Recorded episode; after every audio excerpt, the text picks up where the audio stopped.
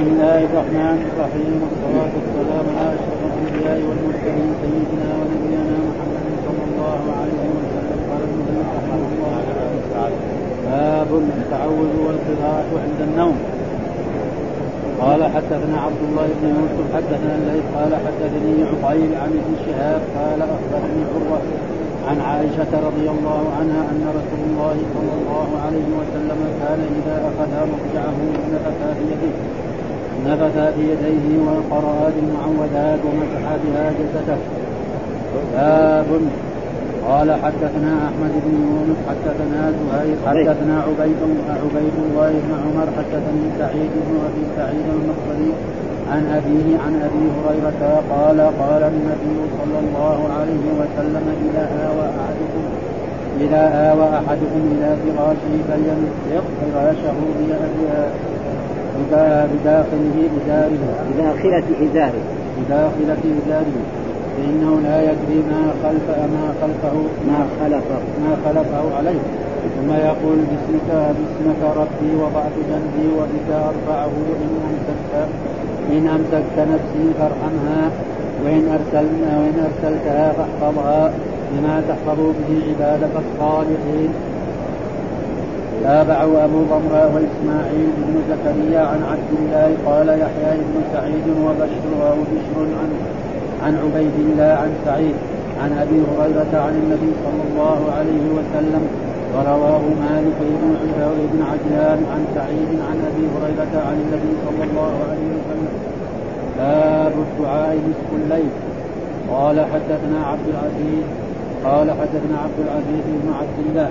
قال حدثنا مالك عن ابن شهاب عن أبي عبد الله الاغر وأبي سلمة بن عبد الرحمن عن أبي هريرة رضي الله عنه أن رسول الله صلى الله عليه وسلم قال ينزل ربنا تبارك يعني عندنا يتنزل في يتنزل ربنا تبارك وتعالى كل ليلة إلى سماء الدنيا حين يبقى ثلث الليل الآخر فيقول من يدعوني فاستجيب له. فاستجيب فاستجيب له من يسألني فأعطيه. من يستغفرني فأغفر له. باب الدعاء عند الصلاة قال حدثنا محمد بن عرعرة حدثنا شعبة عن عبد عن عبد العزيز عن ابن صهيب عن أنس بن مالك رضي الله عنه. قال كان النبي صلى الله عليه وسلم إذا دخل الخلاء قال اللهم إني أعوذ بك من الخبث والخبائث. باب ما يقول إذا أصبح. قال حدثنا مسدد قال حدثنا يزيد بن زرع بن زريع قال حدثنا حسين حدثنا عبد الله بن بريدة عن بشير بن سعد عن شداد بن ويس عن النبي صلى الله عليه وسلم قال سيد الاستغفار اللهم أنت ربي لا إله إلا أنت خلقتني وأنا عبدك وأنا على عهدك ووعدك. وأنا على عهدك ووعدك ما استطعت وأبوء لك بنعمتك وأبوء لك بذنبي فاغفر لي فانه لا يغفر الا انت أعوذ بك من شر ما صنعت إذا قال حين يمسي حين يمسي فمات دخل الجنة أو كان من أهل الجنة. وإذا قال حين يصبح فمات من يومه مثله. قال حدثنا أبو نعيم قال حدثنا سفيان عن عبد الملك بن عمير. عن ربع بن بن فراش عن حذيفة قال كان النبي صلى الله عليه وسلم إذا أراد أن ينام قال باسمك باسمك اللهم أموت وأحيا. وإذا استيقظ من من منامه قال الحمد لله الذي أحيانا بعد مماتنا واليه قال حدثنا عبدان عن أبي حمزة عن منصور عن بن بن حراش عن عن عن فرشة ابن ابن الحر عن أبي ذر رضي الله عنه قال كان النبي صلى الله عليه وسلم إذا قضى إذا اخذ مضجعه من الليل قال اللهم باسمك أموت واحيا فاذا استيقظ قال الحمد لله الذي أحيانا بعد مماتنا بعد مماتنا وإليه النشور. أعوذ بالله من الشيطان الرجيم. بسم الله الرحمن الرحيم. الحمد لله رب العالمين والصلاة والسلام على سيدنا ونبينا محمد وعلى آله وصحبه وسلم أجمعين. باب التعوذ والقراءة عند المنام نحن كنا في ولكن في أحاديث ذكرها في الشرح. يعني بسم الله الرحمن الرحيم. يقول الإمام الحافظ آه، باب التعوذ والقراءة عند المنام. التعوذ يعني يتعوذ إيه؟ من الشيطان الرجيم. ويقرأ كذلك هذه السورة الثلاث. قل هو الله أحد وقل أعوذ برب الفلق وقل أعوذ برب الناس. وكان الرسول يقرأها وينفث في يديه ويمسح جسده. هذا يقول في هذا الحديث قال أخبرني عروة عن عائشة أن كان إذا أخذ مضجعه إذا أراد أن ينام نفث في يديه وقرأ بالمعوذات معناه وقرأ بالمعوذات ثم نفث. ليس معناه ينفث ثم فإن هذا ما يلزم. أول يقرأ ثم بعد ذلك ومسح به جسده. والدليل على ذلك قال ومسح بهما جسده. ها؟ ها؟ ومسح بهما جسده. وهنا ذكر يعني أحاديث من هذا النوع. وقد ورد في القراءة عند النوم عدة أحاديث منها صحيحة ومنها منها حديث أبي هريرة في قراءة آية الكرسي. وقد تقدم في الوكالة وغيرها. وحديث ابن مسعود الآيتان من آخر سورة البقرة. وقد تقدم في فضائل القرآن وحديث فروة بن نفيل عن أبي أن النبي صلى الله عليه وسلم قال لنوفل اقرأ قل يا أيها الكافرون في كل ليلة ونم على خاتمتها فإنها براءة من الشرك. كذلك هذه تقرأ. أخرجه أصحاب السنن الثلاثه وابن حبان والحاكم. وحديث العرباض بن سارية كان النبي يقرأ المسبحات قبل أن يرقد ويقول فيهن آية خير من ألف آية. والظاهر المسبحات يعني سبح اسم ربك الأعلى أو أو التسبيحات التي في إيه؟ مثلا سبح لله ما في السماوات وسبح لله ما في السماوات. هذا يعني إيه عند الموت. هذه قال وحديث آه، جابر رفعه كان لا ينام حتى يقرأ ألف لام تنزيل وتبارك. أخرجه البخاري في الأدب المفرد. وحديث شداد بن آه آه ابن أوس رفعه ما من امرئ مسلم يأخذ مضجعه فيقرأ سورة من كتاب الله إلا بعث الله ملكا يحفظه من كل شيء مؤذيه حتى يهد أخرجه أحمد والترمذي. ووردت التعوذ عدة أحاديث منها حديث أبي صالح عن رجل من أسلم رفعه. لو قلت حين أمسيت أعوذ بكلمات الله التامات من شر ما خلق لم يضرك شيء. يعني فالإنسان لو قال هذا لا يمكن أن تنبغه العقرب ولا الثعبان ولا غير ذلك إذا كان قال ذلك مخلصا أبدا. ولو مشت عليه العقرب أو الحية أو الثعبان لا يرضى بشرط أن يكون موقنا لذلك. أبدا ها؟ وفيه قصة ومنه قال عن أبي صالح عن ابي أخرجه أبو داود وصححه. وكان النبي يأمرنا إذا أخذنا مضجعنا أن نقول اللهم رب السماوات ورب الأرض الحديث. وفي لفظ اللهم فاطر السماوات والأرض عالم الغيب والشهادة رب كل شيء ومليكه. أشهد أن لا إله إلا أنت أعوذ بك من شر نفسي ومن شر الشيطان الرجيم وشركه. أخرجه أبو داود والترمذي وحديث علي رفع كان يقول عند مضجعه اللهم إني أعوذ بوجهك الكريم وكلماتك التامات من شر كل شيء أنت آخذ بناصيتي. أخرجه أبو داود والنسائي قال ابن بطال وفي حديث عائشة رد على من منع استعمال العود والرقى إلا بعد وقوع المرض. يعني في ناس من العلماء قالوا الانسان ما يستعمل العود والرقى إلا إذا مرض. وهذا الرسول ما كان شيء ومع ذلك كان فهذا رد عليه. ثم ذكر باب وهذا الباب قلنا كالفصل. لأنه له علاقة بإيه؟ بالتعوذات والأدعية الواردة عن رسول الله صلى الله عليه وسلم. فيكون زي ما بعض العلماء يقولوا فصل. فهذا الإمام البخاري إذا قال باب بدون ترجمة معناه فصل. يعني له علاقة بإيه؟ بما إيش معنى الفصل؟ أصل الباب عندهم عند العلماء مسائل علمية لها علاقة بالكتاب. هذه هي الباب.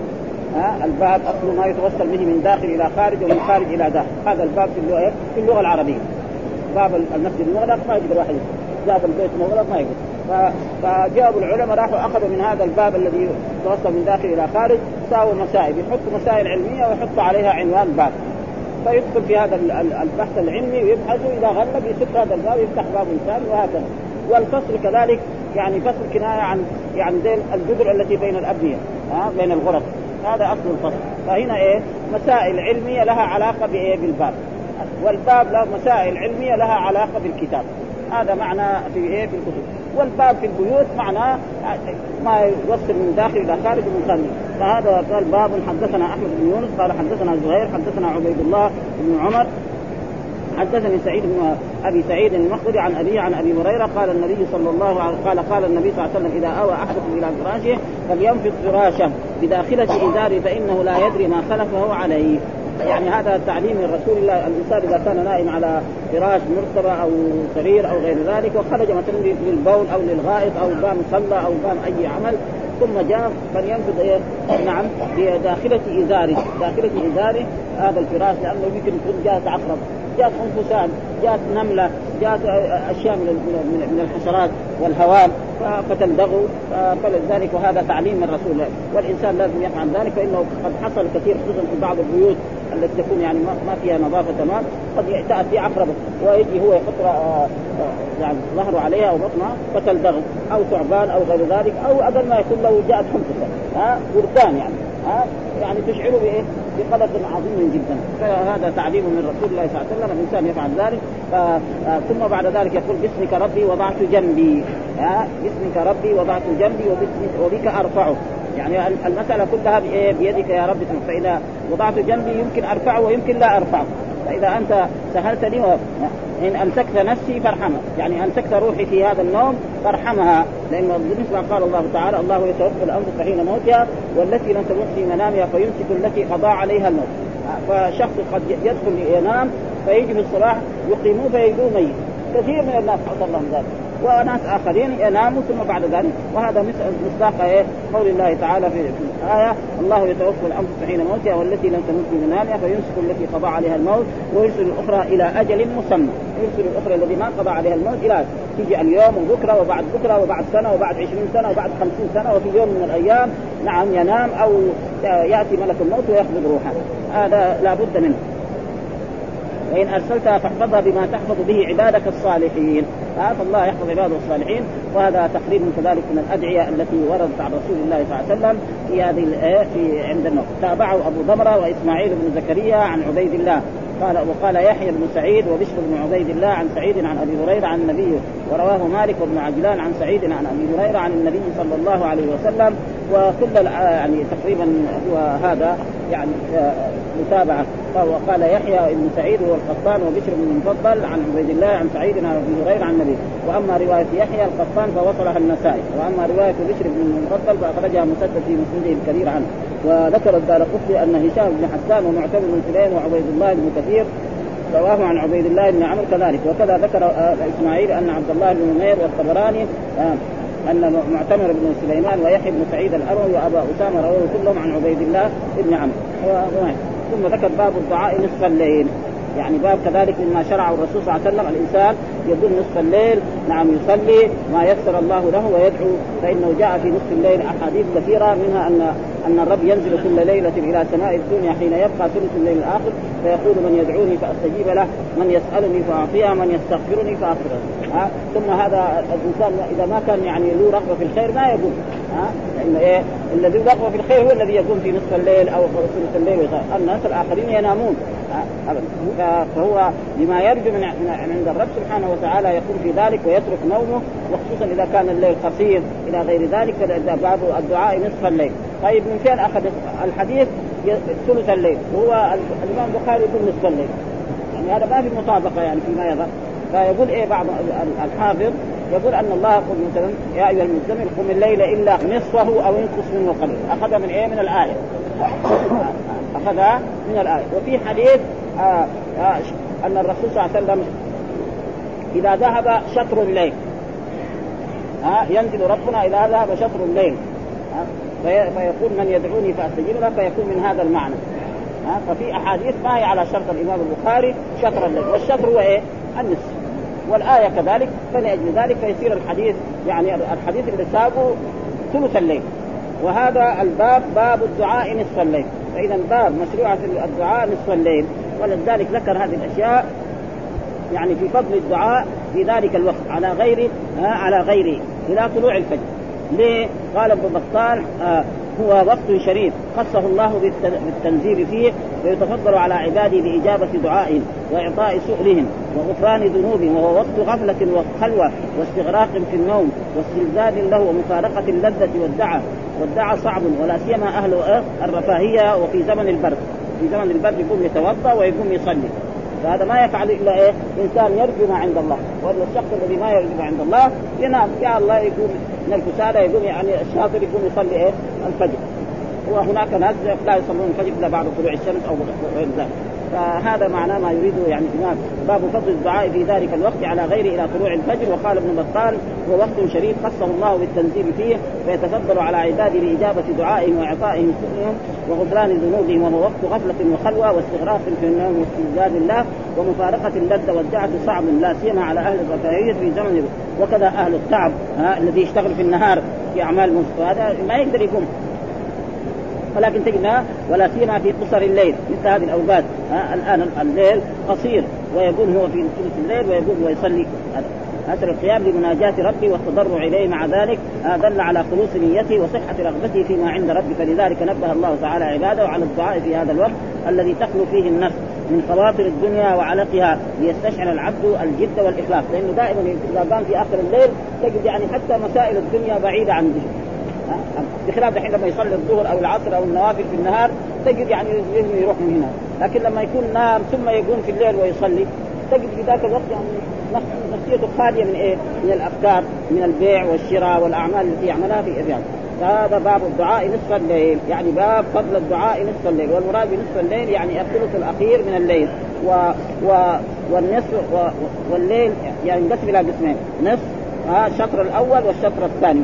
إيش الدليل؟ قال حدثنا عبد العزيز بن عبد الله حدثنا مالك عن ابن شهاب عن أبي عبد الله الأغر وأبي سلمة بن عبد الرحمن عن أبي هريرة أن الرسول قال يتنزل ربنا. في هذا الحديث يتنزل ربنا تبارك وتعالى ينزل نزولا يليق بجلاله وعظمته. ها ينزل ربنا كل ليلة إلى سماء الدنيا. ما نقول إيه؟ الأشعرية والماتريدية وغيرهم والجهمية نفوا ذلك. كيف يتنزل؟ ما ينزل أبدا. ها يقول ينزل أمره. فهذا ما هو صواب. ليه؟ لأن أمره دائما نازل. امره دائم في كل وقت وفي كل حين وفي كل ينزل أمر الملائكة افعلوا كذا اعملوا كذا ارفعوا كذا اخذوا كذا اخذوا روح فلان آه، اعزوا فلان اذلوا فلان. هذا موجود دائما. فإذا لابد هذا له معنى خاص ها. فلذلك يترك على ظاهره يتنزل وهذا صفة من صفات وهذا الحديث تقريبا يعني متواتر ها. يعني متواتر. ما هو بس مروي يعني في البخاري أو في كل كتب السنة مروي كل كتب السنة. وقد يعني شيخ الإسلام ابن تيمية له يعني رسالة في هذا. حديث النزول. وبحث وشرع وجاء ذكر الأحاديث التي تتعلق بهذا كله. فنحن نؤمن أنه ينزل نزولا يليق بجلاله وعظمه آه، يتنزل ربنا تبارك وتعالى كل ليلة إلى سماء الدنيا إلى السماء القريبة. كيف ينزل؟ ما نعرف. ولا يجوز إنسان يسأل كيف. حرام عليه. ابدا. ها؟ ينزل نزولا يليق بجلاله وعظمته زي ما له سمع وله بصر وله وجه وله يدان. ها؟ واحد يقول يدين كيف نحن ما نعرف يدان ها؟ بل يداه مبسوطتان. ويبقى وجه ربك ذو الجلال والإكرام. ها إنه سميع بصير ليس كمثله شيء. يرضى يستوي على العرش كل هذا نؤمن به إيمانا يليق بجلاله ولذلك اثر عن الإمام الشافعي آمنت بالله وبما جاء عن الله على مراد الله وآمنت برسول الله وبما جاء عن رسول الله على مراد رسول الله. مو على مخي أنا على مراد الرسول قال ينزل نحن نؤمن أنه ينزل. ولا يحتاج نسأل كيف ينزل ولا شيء. ها ليس كنزول البشر ولا وهكذا صفاته وذاته لا تشبه ذوات المخلوق. ولكن هنا الحافظ في هذا الحديث يعني أول بعض طويل يعني ما ظهر لنا هذا في في قال وأخرج دار قطن من كتاب الرؤيا من رواية عبد الله ألفاظه من التوحيد إن شاء يعني بعدين وقال أيضا النزول محال على الله. يعني وقال أيضا الظاهر آه الذي قال واستوعب ألفاظه بالتوحيد وقال أيضا النزول محال على الله لأن حقيقته آه حقيقته الحركة من جهة العلو إلى السفل وقد دلت البراهين القاطعه على تنزيه على ذلك فليتاول آه ذلك على لأن المراد نزول ملك الرحمة ونحيه هذول هم إلا إلا يعني أول الصفات. والظاهر إن اللي قال هذا يعني أحد يعني أخرج عن طريق حبيب بن ثابت عن أغر عن أبي آدم وهذا تأويل. نحن نؤمن أنه ينزل نزولا يليق بجلاله وسيقول آه، الحافظ سيبحث هذا في كتاب التوحيد. من كتاب التوحيد حقه الإمام البخاري في آخر أول ذكر يعني كتاب الإمام من التوحيد وبعد ذلك راح جابه في آخر كتاب البخاري كل إمام له طريقة في التاريخ يجي مثلا زي مسلم أول كتابه هو التوحيد. وهذا يحطه في في الآخر. وكذلك أبو داوود ليه؟ كل واحد مثلا لأنه هذا البخاري قبله. بعد ذلك هو لما يجي الثاني العالم اللي بعده يستفيد من هذا ويصير عنده نظريات ويدعم. فكتاب التوحيد كتاب التوحيد حطه في آخر كتاب الصحيح. آخر البخاري. وأول جاب ما يتعلق بالايه بالتوحيد زي كتاب الإيمان.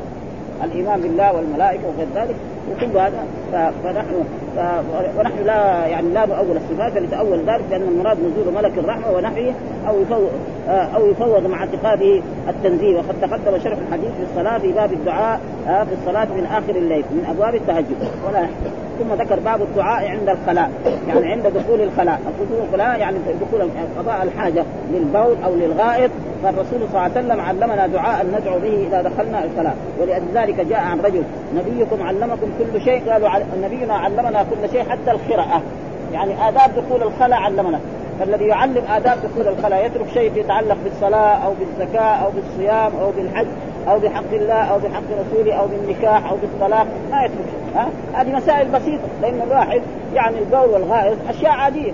الآن يعني الناس الكفار والمشركين ما عندهم شيء. يعني لما يدخل بيت الخلاء يقول شيء لما يخرج يقول شيء لما تحيض المرأة عندهم يعني في شيء من تنفس في شيء ما هذه أشياء ما ما يعني تقريبا عادية. زي لما يأكل زي ها الرسول علم كل باب الدعاء عند الخلاء يعني عند ورود الخلاء يعني ما بعد ما يدخل لأنه هناك في بيت الخلاء ما يذكر الله. قبل أن يدخل يقول ها بسم الله اللهم إني أعوذ بك من الخبث والخبائث. فلذلك سأل رجل نبيكم علمكم كل شيء؟ قالوا نبينا علمنا حتى الخرعه حتى آداب دخول الخلاء. وإذا دخل الخلاء وخرج من الخلاء الخلاء يقول اللهم نعم غفرانك. أه الحمد لله الذي أخرج عني الأذى وعافاني. وكان مر علينا في البخاري أن إبراهيم عليه السلام كان إذا دخل وخرج يدعو بأدعية منها أن الحمد لله الذي يعني يعني أفادني مما أطعمني وأخرج عني خبيثة. يعني المعنى كذا ما أذكر الألفاظ تماما الآن. فهذا كان يعني عند الخلاء ومعلوم أن الناس الأولين وقبل أن يجلس لهذا يقول هذا. مثل قول الله تعالى يا أيها الذين آمنوا إذا قمتم إلى الصلاة. يعني إذا أردتم القيام إلى الصلاة. إذا أردتم القيام إلى الصلاة فاغسلوا وجوهكم. وكذلك إذا أراد يدخل الخلاء يقول هذا. اللهم يعني يا الله إني أعوذ بك من الخبث. الخبث جمعه خبيث. يعني ذكران الشياطين. والخبائث يعني إناث الشياطين. ومعلوم الشياطين فيها ذكور وفيها إناث فلذلك وهي ودائما هي الشياطين تجمع في المحلات إيه؟ الخبيثة. ها؟ زي بيوت الخلاء والحمامات وغير ذلك. فهذا المكان يقول اللهم إني يعني ألوذ بك والتجئ بك وأعطش من كذا ان الخبث. الخبث جمع يعني سير ومفرده خبيث وهو ذكران الشياطين والخبائث جمع خبيث آه جمع خبيثة وهو الإناث. فهذا وهذا تقدم كان في الطهارة هنا في الوضوء وهذا. ومع ذلك دحين يكمل لأنه كتاب إيه؟ كتاب الدعوات. يعني هذا دعاء من دعاء رسول الله صلى الله عليه وسلم فلذلك الآن ذكره في إيه؟ عند إرادة الدخول وذكر في حديثه وقد تقدم شرحه في كتاب الطهارة وفي ذكر من, من رواه بلفظ إذا أراد أن يدخل. ثم ذكر باب ما يقول إذا أصبح. يعني باب الذي يقوله إذا اصبح ما الإنسان إذا أصبح في الصباح ماذا يقول من الذكر الذي ورد عن رسول الله صلى الله عليه وسلم؟ فورد إيه؟ اذكار منها يعني الدعاء الذي هو سيد الاستغفار. ها فهذا دعاء عظيم جدا. وذكر فيه أن الإنسان إذا قاله يعني دخل الجنة. أو مات على الفطر. لو مات يكون مات على الفطر يعني مات على دين الإسلام. فهو عظيم جدا. هذا من جوامع كلم رسول الله صلى الله عليه وسلم لأن الرسول أوتي جوامع. يعني ألفاظ قليلة ولها من الفضل والأجر مثل هذا الاشياء باب ما يقول إذا أصبح ما باب ما يشرع الإنسان المسلم أن يقوله إذا أصبح، يعني إذا دخل في الصباح وصحي من نومه يدعو بهذا الدعاء فإن فيه الأجر العظيم ويكفي ذلك ماذا؟ أنه فاذا مات آه، يعني دخل الجنة أو كان من أهل الجنة، وهناك الحديث الذي تقدم لا مات على الفطرة. إيش الدليل؟ قال حدثنا مسدد قال حدثنا يزيد بن زريع حدثنا حسين حدثنا عبد الله بن بريدة عن بشير بن كعب عن شداد بن أوس عن النبي صلى الله عليه وسلم قال سيد الاستغفار سيد الاستغفار اللهم أنت ربي لا إله إلا أنت خلقتني وأنا عبدك وأنا على عهدك ووعدك ما استطعت. أبوء لك بنعمتك علي وأبوء لك بذنبي فاغفر لي فإنه لا يغفر الذنوب إلا أنت. أعوذ بك من شر ما صنعت. واذا قال حين يمسي فمات دخل الجنة. إذا مات دخل أو كان من أهل الجنة. وإذا قال حين فمات من يومه مثله. ها شيء عظيم جدا. فالإنسان لا يترك هذه الأدعية ويلزمها دائما ثم الحديث اللي بعده كذلك باب حدثنا أبو نعيم حدثنا سفيان عن عبد الملك بن عمير عن ربعي بن حراش عن حذيفة قال كان النبي إذا أراد أن ينام قال باسمك اللهم أموت وأحيا آه، باسمك اللهم باسمك آه حمزه وصل هذه. ما يقول باسمك باسمك اللهم أموت وأحيا وإذا استيقظ من منامه قال الحمد لله الذي أحيانا بعدما أماتنا وإليه النشور آه فإن الحياة والموت يعني بيد الرب سبحانه وتعالى. فإذا أراد الإنسان أن يميت أما فيدخل ينام فيجلس الصبح يتبعوا أهله قد مات وهذا. فلذلك يدعو بها باسمك اللهم أموت وأحيا. وإن النوم يعني أخو إيه؟ أخو آه النوم أخو الموت. وأحيا وإذا استيقظ من قال الحمد لله الذي أحيانا بعدما أماتنا. أو الإنسان يقول أحياني بعد واليه النشور.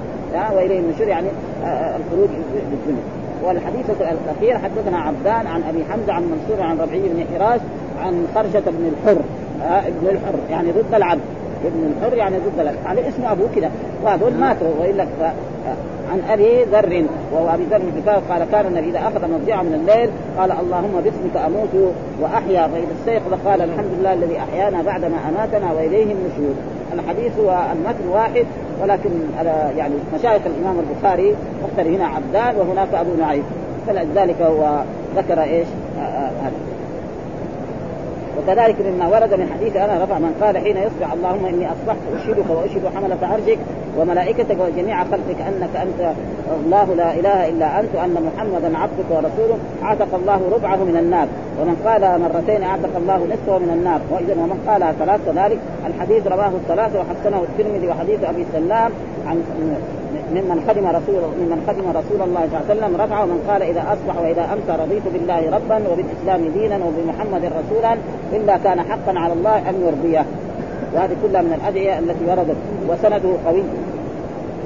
حديث عبد الله بن غنام البياضي رفعه من قال حين اللهم ما أصبح لي من نعمة أو بأحد من خلقك فمنك وحدك لا شريك لك ولك الحمد ولك الشكر. لقد أدى شكر يومي شيء عظيم يعني. ها؟ الحديث رواه أبو داود عنه وحديث قال النبي ما منعك أن أن تسمعي ما أوصيك به أن تقولي إذا أصبحت وإذا أمسيت يا حي يا قيوم برحمتك أستغيث أصلح لي شأني كله ولا تكلني إلى نفسي طرفة عين. أخرجه النسائي. ثم ذكر باب الدعاء في الصلاة.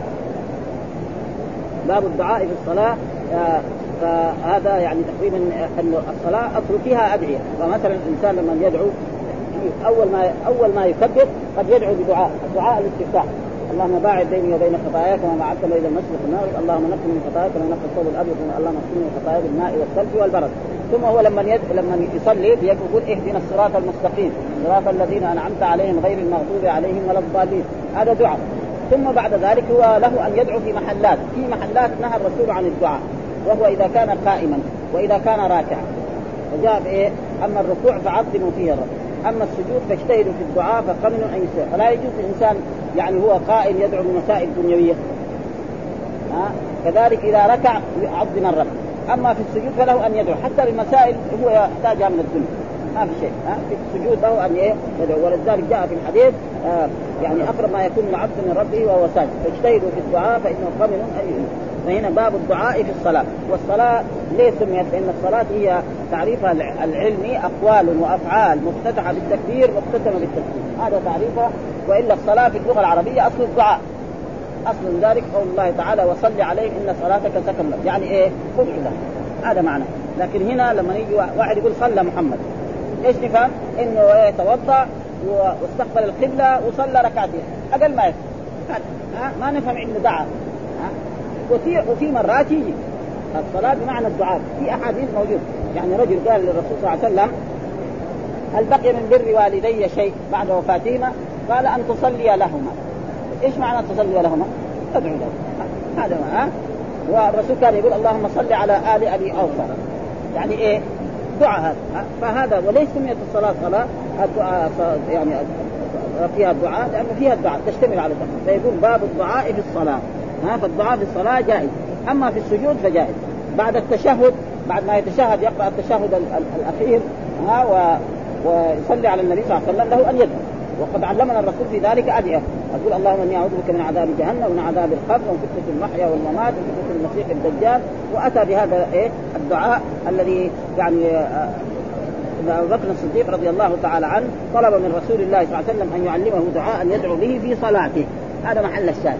يدعو به في صلاته. إيش الدليل؟ قال حدثنا عبد الله بن يوسف قال أخبرنا الليث قال حدثني يزيد عن أبي الخير عن عبد الله بن آه، عمرو عن أبي بكر الصديق رضي الله تعالى عنه.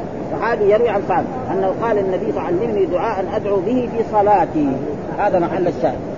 ها؟ دعاء أدعو به في صلاتي فقال اللهم إني ظلمت نفسي ظلما كثيرا ولا يغفر الذنوب إلا أنت فاغفر لي مغفرة من عندك وارحمني إنك أنت الغفور الرحيم. ها اللهم إني ظلمت نفسي ظلما كثيرا. وفي رواية ظلما كبيرا. يعني في رواية ظلما كبيرا. وكله صحيح. ها فإذا مرة يقول كذا ومرة يقول كذا والمراد بالظلم هنا الظلم الأصغر. يعني ظلم المعاصي. وأبو بكر الحمد لله ما عنده من هذا لا هذا ولا هذا إن شاء الله. ها إلا إن كان من الصغائر. ولا يغفر الذنوب. وهذا اعتراف. ما ما حد يغفر الذنوب إلا. فاغفر لي مغفرة من عندك. ها؟ التجاء إلى الرب سبحانه وتعالى من عنده. وارحمني إنك أنت الغفور الرحيم. شيء يعني. وهذا إيه؟ ثم بعد ذلك أو سعير هذا. ها؟ سعير. حدثنا هشام بن عروة عن ابي عن عائشة. ولا تجر بصلاتك ولا تخاف. أي أنزلت في الدعاء. ها؟ ولا تجر بصلاتك ولا تخافت بها. ليه؟ لأن كان الرسول صلى الله عليه وسلم يصلي لأصحابه وكان يقرأ القرآن جهرا. فكان يعني الكفار يجتمعوا على الرسول صلى الله عليه وسلم ويستمعون لقراءته. فكانوا يسبون الرسول ويسبون القرآن ويسبونه. هم إيش يريدوا؟ يخافوا أن أولادهم ونساءهم يسمعوا القرآن فيؤمنوا. ما يبغوا هذا. فيساووا شوشرة عند الرسول صلى الله عليه وسلم. ما قال الله تعالى ما كان صلاة عند البيت إلا مكاء ورقية يساوي شوي فأنزل الله تعالى ولا تجهر بصلاتك ولا تخالف يعني أنت أسمع لا تجهر حتى يسمع الكفار ويسبونك ويسبون القرآن ومن انزل ولا تخافت بها حتى ما يسمع اصحابه بل تكون قراءة وسط والمراد هنا فسرتها عائشة أن المراد هنا ولا تجهر ولا تخافت بها يعني لا تدعو.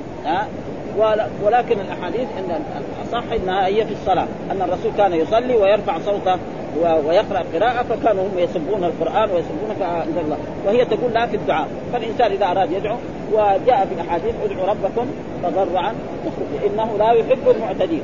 فمن الاعتداء في الدعاء من الإنسان لأنه الصحابة لما رفعوا أصواتهم بالدعاء فقال لهم الرسول أربعوا على أنفسكم. فإنكم لا تدعون أصم ولا غائبا إنما تدعون سميعا بصيرا. ها؟ آه فما في حال واحد يبغى يدعو يرفع صوته ها؟ لأن الله مطلع عليه. والجهر والسر ويكفي بذلك القرآن. ادعوا ربكم تضرعا وخفيا إنه لا يحب المعتدين. فإذا جاءت مناسبة يعني مثل القنوت أو هذا فهذا الجهر به في مثل هذه الأشياء. وأما إنسان بينه وبين ربه فيدعو ولا ولا تجعل بصلاتك ولا ها أنزلت في الدعاء. وآخرين يقولون. وكذلك الحديث الأخير حدثنا عثمان بن أبي شيبة حدثنا جرير عن منصور عن أبي وائل عن عبد الله والمراد به عبد الله بن مسعود دائما قال كنا نقول في الصلاة السلام على الله السلام على فلان وفلان فقال ذات يوم إن الله هو السلام فإذا قعد أحدكم في الصلاة فليقل التحيات لله إلى قوله الصالح. فإذا قالها أصاب كل عبد آه لله في السماء والأرض صالح. أشهد أن لا إله إلا الله وأشهد أن محمدا عبده ورسوله ثم يتخر من الثناء ما شاء. فهنا في يقول وهذا الحديث شو كم مرة يكررونه هو الآن الإمام البخاري؟ عدة مرات هناك في التحيات في الصلاة وهنا كذلك في الأدعية عدة مرات كان كنا نقول يعني كانوا إيه اجتهادا منه كان يقول هذا. السلام على الله السلام على فلان. الرسول قال لهم لا هذا ما له معنى. السلام على الله إن اسمه السلام. فقال نقول ذات يوم إن الله هو السلام. فإذا فليقل التحيات لله والصلوات الطيبات السلام عليك أيها النبي ورحمة الله وبركاته. السلام علينا وعلى عباد الله الصالحين. أشهد أن لا إله إلا الله وأشهد أن محمدا عبده ورسوله. فإذا قال السلام علينا وعلى عباد الله الصالحين يدخل عباد الله الصالحين من لدن آدم إلى أن تقوم القيامة. أما لما يقول الصلاة على السلام على محمد وعلى خالد وعلى محمود مثلا 100 نفر. 100 نفر ما يكفي فالرسول آتى جوامع فلما يقول السلام علينا وعلى عباد الله الصالحين. الدنيا كلها عباد الله الصالحين دخلت فيها ها من لدن آدم إلى أن تقوم القيامة. وهذا هو جوامع كلم رسول الله صلى الله عليه وسلم الذي أوتيها صلوات الله وسلامه عليه. وحل الشاهد الذي يعني آه أن الإنسان ثم يتخير من الثناء ما شاء. يعني من الثناء ومن الدعاء ما شاء يدعو بأي شيء. ونفسه السلام على عباد الله الصالحين هذا دعاء. هنا يعني عائشه قال في قول ولا تجهر بصلاتك قال نزلت في الدعاء وقد تقدم شرحه في تفسير سبحان. وعلي شيخه وابن سلمة كما أشرت إليه في تفسير المائدة وحديث عبد الله وهو في التشهد وقد تقدم شرحه في أواخر صفه الصلاة وأخذ من الت... وأخذ الترجمة من هذه الأحاديث إلى أن الأول نص في المطلوب والثاني يستفاد من إيه؟ من صفة من صفات الداعي وهو عدم الجهل والمخافه فيسمع نفسه ولا وقيل للدعاء صلاة لأنها لا تكون إلا بدعاء فهو من تسمية بعض الشيء باسم كله لأن الصلاة تشتمل ويكفي ذلك القرآن اول الفاتحة تمجيد للرب سبحانه وتعالى. وآخرها دعاء. والحمد لله رب العالمين. الرحمن الرحيم. مالك يوم الدين. هذا تمجيد للرب. بعدين إياك نعبد وإياك نستعين. كل ما جاء في الحديث هذا بيني وبين عبدي. بعد ذلك اهدنا الصراط المستقيم إلى آخرها. هذا دعاء. وكذلك له أن يدعو في السجود زي ما الحديث تقدم لنا ان أبو بكر الصديق طلب من رسول الله أن يعلمه دعاء يدعو به في صلاته قال قل اللهم إني ظلمت نفسي ظلما كثيرا ولا يغفر الذنوب إلا أنت فاغفر لي مغفرة من عندك وارحمني إنك أنت الغفور الرحيم. فالإنسان يدعو بهذا. السجود ولا في ها؟ السجود, السجود له أن يدعو وبعد التشهد له أن يدعو. أي هذا أي. ويحصل من ما ثبت عن المواضع التي كان يدعو فيها داخل الصلاة يقول هنا ويحصل من ما ثبت عنه صلى الله عليه وسلم من المواضع التي كان يدعو بها في داخل الصلاة ستة مواضع، الأول عقب تكبيرة الإحرام. ها يقرا الاستفتاح. اللهم باعد بيني وبين خطاياك كما باعدت ما بين المشرق والمغرب اللهم نقني هذا هذا واحد منها. ها طيب في حديث أبي هريرة في الصحيحين اللهم باعد بيني وبين خطاياي الحديث الثاني في الاعتدال. ها؟ لما يعتدل يقول إيه؟ مثلا ربنا لك الحمد حمدا كثيرا طيبا مباركا فيه. ها؟ ملء السماوات وملء الأرض وملء ما شئت من شيء بعد أهل الثناء والمجد. أحق من قال العبد وكلنا لك عبد. لا مانع لما أعطيت ولا معطي لما منعت ولا ينفع ذا الجد منك الجد. هذا دعاء ها؟ هذا بعد الاعتدال إيه؟ بعد ما يرفع من الركوع. وكذلك في السجود يقول اللهم بين السجدتين. نعم رب اغفر لي وارحمني وارزقني واجبرني.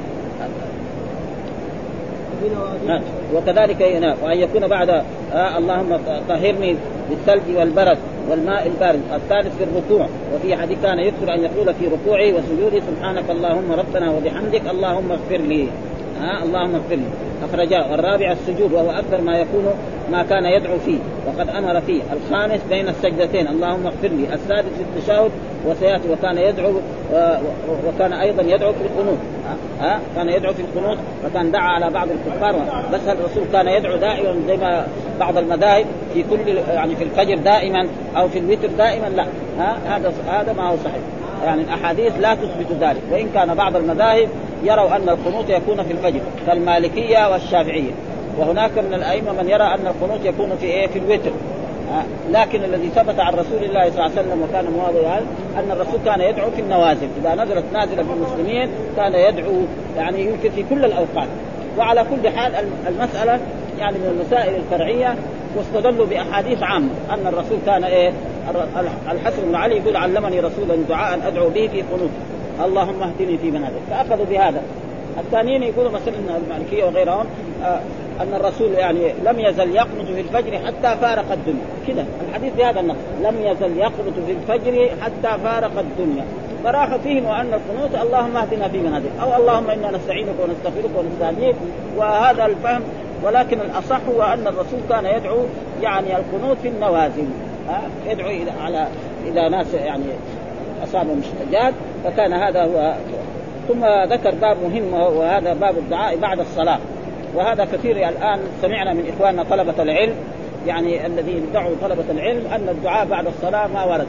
وكثيرا ما نسمع من إخواننا طلبة العلم الجدد خصوصا آه طلبة العلم الجدد الذي ما ما ترووا آه والآن الحافظ هو الذي إيه يبين لنا كيف هذا. آه كثير ما نسمع إن الدعاء ما يجوز أن ما ثبت أن الرسول إذا صلى كان يدعو. آه وسمعنا هذا كثير ولكن اليوم يعني وجدنا هذا البحث وذكر الحافظ أشياء في هذا الموضوع يعني تبين هذا الموضوع تماما. فيقول باب الدعاء بعد الصلاة، نعم صحيح. الرسول صلوات الله وسلامه عليه كان إذا صلى حال ما يصلي نعم يستقبل الناس ويقول الله استغفر الله ثلاثا ويقوم من مكان. يعني بعض البلاد الإسلامية الآن إذا صلى الإمام هو مستقبل القبلة يرفع يديه ويدعو. والناس اللي في المسجد كلهم يؤمنون. ها؟ فهذا ما ورد. الرسول ما كان يفعل ذلك. وأبو بكر ما كان يفعل ذلك وعمر ما كان يفعل ذلك وعثمان ما ولا أحد كان يفعل ذلك. ولكن في بعض البلاد الآن الإسلامية هذا موجود ها؟ كثير يعني خصوصا في تركيا. فلذلك بعض الحجاج لما يجي هنا في المملكة العربية السعودية يتعجب كيف الإمام ما يدعو. في مكة ما يسمع إمام يدعو بعد الصلاة لا بعد الظهر ولا بعد العصر ولا بعد المغرب ولا بعد العشاء. ولا في الفجر وهنا كذلك في المدينة وكذلك في مساجد مكة وفي مساجد في المدينة فيتعجبوا جدا يعني له. وهذا الترجمة هذه تبين لنا أن الدعاء بعد الصلاة يعني جائز ها؟ لكن مو بجماعة ها؟ فالإنسان إذا أول شيء الرسول علمنا إذا انتهى من الصلاة يقول أستغفر الله ثلاثة ثم يقول اللهم أنت السلام وانت السلام كما اللهم لا مانع لما أعطيت ولا معطي لما منعت ولا ينفع ذا الجد منك الجد. ثم بعد ذلك نعم يقرأ آية الكرسي ها ويقرأ المعوذتين أو قل الله أحد. ثم بعد ذلك يسبح الله 33 ويحمده 33 ويكبره ويقرأ آية الكرسي. نعم مثل هذا. فإذا بعد ذلك رفع يديه ودعا لنفسه. ما حد يقول له لا.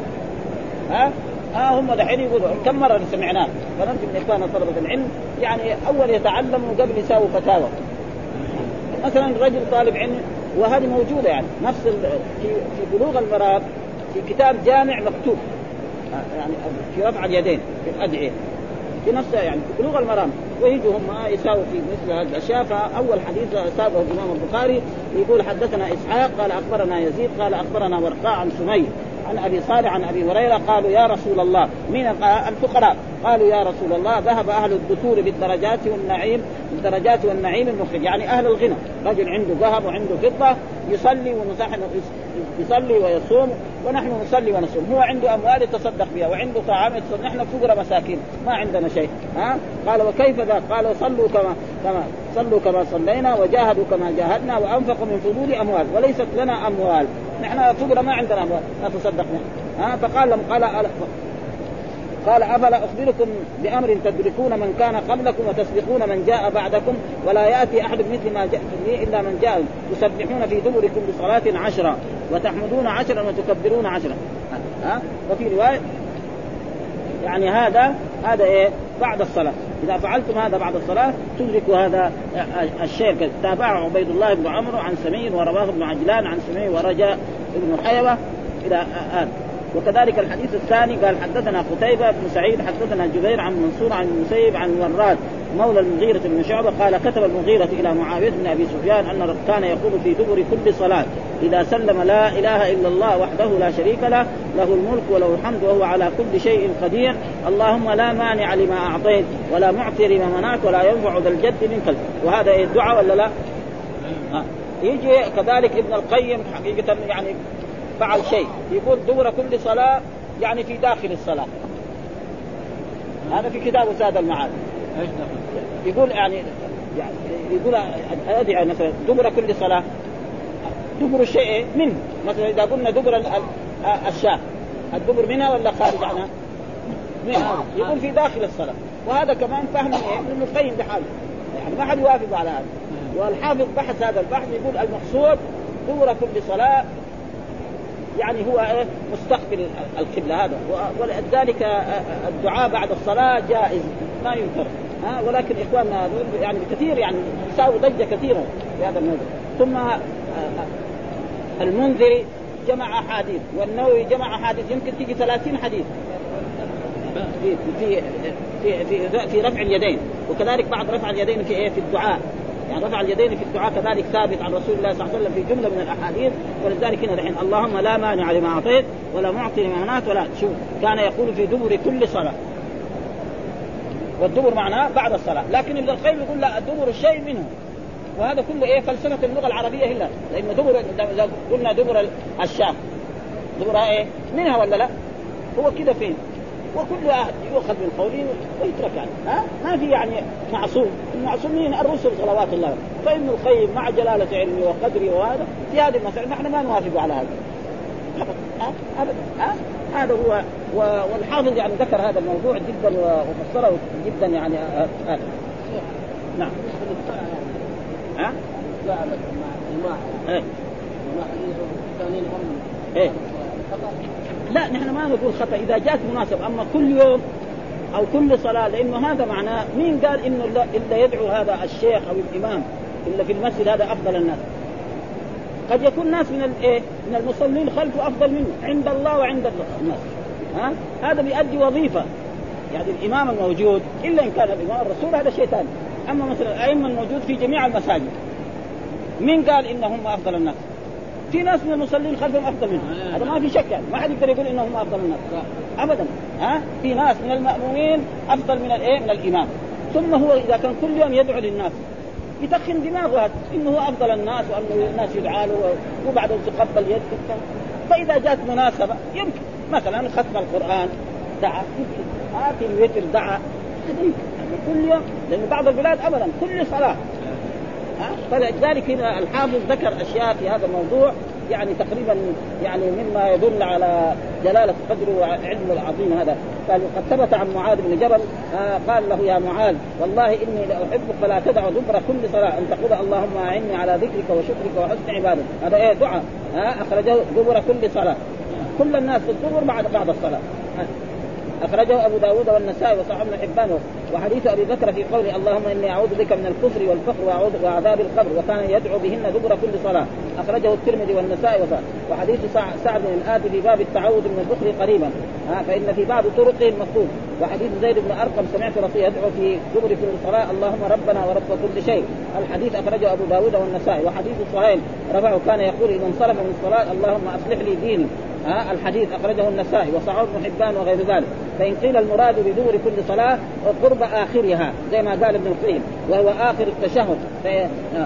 قلنا قد ورد الأمر بالذكر دبر كل صلاة والمراد به بعد السلام اجماعا. هذا كلام الحافظ. اجماعا ابن القيم يقول لا. كيف؟ ها؟ ابن القيم رجل عالم فاضل لكن ما ما في واحد معصوم. ها؟ ابدا. ها؟ ها؟ هكذا حتى يثبت ما يخالف. يعني حتى يدل وقد أخرج الترمذي من حديث أبي أمامة قيل يا رسول أي الدعاء أسمع؟ قال جوف آه آه الليل الأخير. ودبر الصلوات المكتوبة. دبر الصلوات المكتوبة. هذا وقال حسن أخرج الطبراني من حديث الدعاء بعد المكتوبة أفضل من الدعاء بعد النافله كفضل المكتوبة على النافله ها؟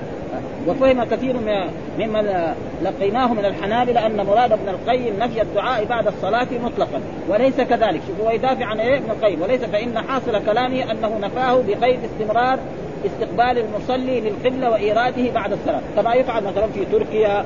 وفي يعني في في المغرب في كثير من البلدان الإسلامية.